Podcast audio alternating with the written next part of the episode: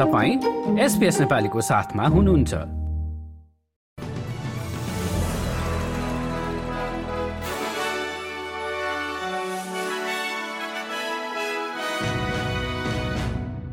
नमस्कार आज सोमबार एक जनवरी सन् दुई हजार चौबिस।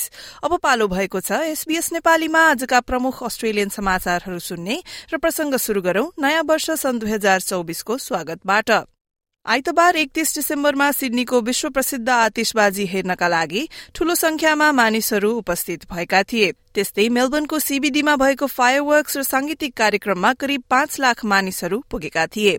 नयाँ वर्ष सन् दुई हजार चौबिसको स्वागत अधिकांशले रमाइलो र सुरक्षित तरिकामा गरेको विक्टोरिया पुलिसले बताएको छ। न्यू साउथ वेल्समा आज सोमबार एक जनवरीदेखि चालकहरूले सड़क प्रयोगका लागि तिर्नुपर्ने टोलको रकम साठी डलरसम्म सीमित गरिएको छ। विशेष गरी एक ठाउँबाट अर्कोमा जानका लागि महँगो टोल तिर्न बाध्य रहेका वेस्टर्न सिडनीका बासिन्दाहरूलाई यसले मदत गर्ने राज्यकी डेप्युटी प्रिमियर प्रू कारले बताएकी छिन्। उता दक्षिण पूर्वी क्वीन्सल्याण्डका बासिन्दाहरूले भारी वर्षा र बाढ़ीको चेतावनीका माझ नयाँ वर्षको शुरूआत गरेका छन्। कुलाङ्गाटा लोगन बिनली ट्याम्ब्रिन माउन्टेन र स्प्रिङ ब्रुकका बासिन्दाहरू सबैभन्दा धेरै प्रभावित हुने भन्दै अचानक आउने बाढ़ी अर्थात फ्ल्याश फ्लडिङको पनि सम्भावना रहेको ब्यूरो अफ मेटियोरोलोजीले बताएको छ।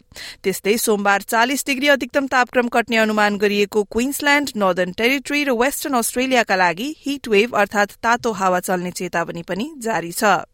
न्यू साउथ वेल्स र साउथ अस्ट्रेलियाको सीमा नजिक भएको दुर्घटनाका लागि एक पचहत्तर वर्षीय ट्रक चालकमाथि अभियोग लागेको छ। आइतबार बिहान भिण्डाराको ब्यारियर राजमार्गमा पेसिफिक नेशनलको सामान बोक्ने ट्रेन र उक्त ट्रक एक आपसमा ठोकिएपछि दुईजना ट्रेन चालकको मृत्यु भएको हो। हाल उक्त राजमार्ग बन्द रहेको छ।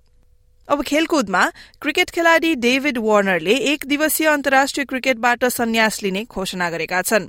गत वर्ष भारतमा भएको विश्वकपमा अस्ट्रेलिया विजयी भएपछि आफ्नो ओडिआई करियरको अन्त्य गर्ने यो सही समय रहेको उनको भनाइ छ। सड़तीस वर्षीय वार्नरले बुधबार सिडनी क्रिकेट ग्राउण्डमा आफ्नो अन्तिम टेस्ट म्याच पाकिस्तान विरूद्ध खेल्दैछन्। हस्त एसबीएस नेपालीबाट आजका प्रमुख समाचार यति नै। सुरक्षित रहनुहोस्। नमस्ते।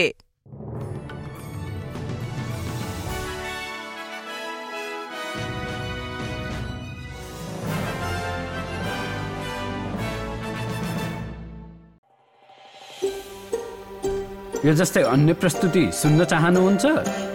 एप्पल पोडकास्ट गुगल पोडकास्ट स्पोटिफाईमा हामीलाई खोज्नुहोस् वा तपाईँले पोडकास्ट सुन्ने अन्य सेवामा।